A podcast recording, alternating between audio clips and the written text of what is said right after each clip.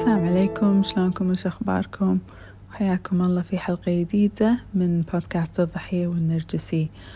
هالأسبوع راح أتكلم عن موضوع الأم اللي متزوجة أه، رجل نرجسي وعندها عيال منه والحين قاعدة تحاتي. إذا أنا تطلقت شنو راح يصير؟ شنو مصير عيالي؟ راح يصيرون نرجسيين؟ هل راح يسحبهم الأبو؟ أه، شلون أقدر أحميهم من من هذا الشيء؟ بس قبل ما أجاوب على هالاستفسارات أبي أقول أول شيء عن فكرة وايد شائعة عندنا في المجتمع اللي تقول إنه لا تطلقين خليك متزوجة هذا علشان خاطر العيال. أه، لا يشوفون إن أمهم وأبوهم تطلقوا. أوكي؟ بس على الأقل اسمكم متزوجين.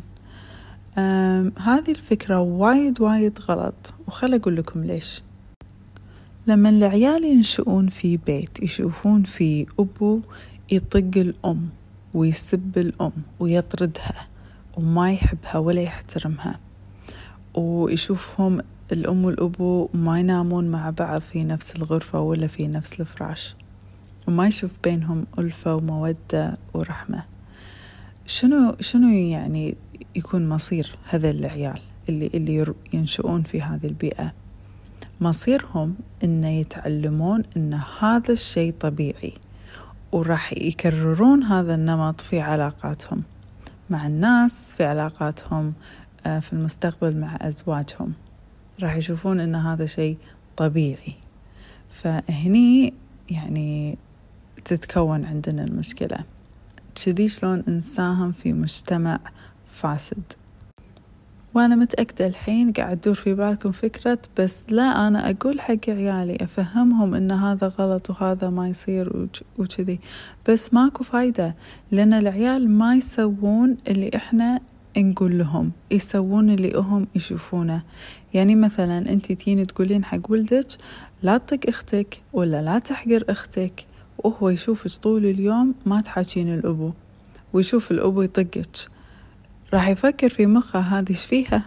منافقة. شلون تقولي كذي وهي بروحها ما تكلم بابا وبابا يطقها وحالتهم حالة ترى الأطفال وايد أذكياء. ما نقدر نمشي عليهم تمثيلية إن لا كل شيء عادي كل شيء تمام. بابا يحبني بس بابا شوية عصبي بس ما ما تمشي عليهم. وايد أذكياء الأطفال. ومن من الغلط إن إحنا نستصغر ذكائهم. لأن هذا وايد يأثر على آه، نمو شخصيتهم وعلى آه، ثقتهم في نفسهم. الأطفال يشوفون تعابير وجهنا يفهمون نبرة صوتنا يدرسون تصرفاتنا ما يمشي عليهم كلام آه، كلام فاضي. وحتى الحين اللي قاعدة تفكر إنه بس أنا حتى ما أتهاوش قدام عيالي يعني عمرهم ما شافوني أنا وأبو وأبوهم قاعدين نتهاوش. مو إلا تتهاوشين قدامهم. هم يفهمون؟ يفهمون البادي لانجوج مالك يفهمون إن أنت اليوم مالك خلق تسولفين مالك خلق تتكلمين مالك خلق تكشخين شكلك حزينة. وترى في النهاية الأطفال شنو يبون من الأم؟ يبون الأم أنها تكون سعيدة. ما يبون الأم تكون بيرفكت يعني في أي شيء. بس يبون يشوفونها سعيدة. وإذا الأم ما كانت سعيدة الأطفال يحسون في المسؤولية. يحسون أن هم مسؤولين عن تعاسة أمهم. وهذه وايد مصيبة كبيرة آه، ومشكلة في التربية آه، يعني نواجهها في المجتمع الصراحة. فضروري الأم المتزوجة من نرجسي آه، تراجع الاستشارات وتقيم الحالة وتشوف شنو الأفضل حق العيال. إذا كان الأفضل إنها تتطلق فهني هم تدش في مجال جديد من المشاكل. طبعا الإنسان المصاب باضطراب الشخصية النرجسية ما عنده القدرة على الحب والتعاطف وبما فيهم الأم والأب. فالأبو إذا تطلق يعني من زوجته الأبو النرجسي قاعد أتكلم عنه إذا تطلق من زوجته ويدري أن زوجته تحب العيال وتبي العيال وايد وايد على الأغلب أنه هو راح يعاقبها بالعيال. زين وهو يمكن ما يحبهم ولا راح يحبهم ولا أصلا يبيهم. بس عادي جدا إنه يعرقل الأمور بس علشان خاطر إنه يأذيها. ما راح يهمه إنه والله أنا قاعدة أذي عيالي uh, in the process. بس مهم عنده إنه هو بيأذي طليقته. إنزين. في بعض الأبهات النرجسيين بعد الطلاق يصيرون الـ Disney dad. شنو يعني الـ Disney dad؟ يعني ما ظل هدايا سفرات طلعات كلام حلو. يعني يبدعون يبدعون يصيرون كأنه أبو من عالم ديزني. وليش طبعا؟ هذا تكتيك. تكتيك علشان النرجسي يبين نفسه انه هو الزين وهو الطيب وهو شوفوا أنا شنو أسوي وماما ما تبي تعيش معاي شوفوا أنا شنو أسوي وماما ما تحبني. عشان يبين الأم انه هي يعني مو زينة.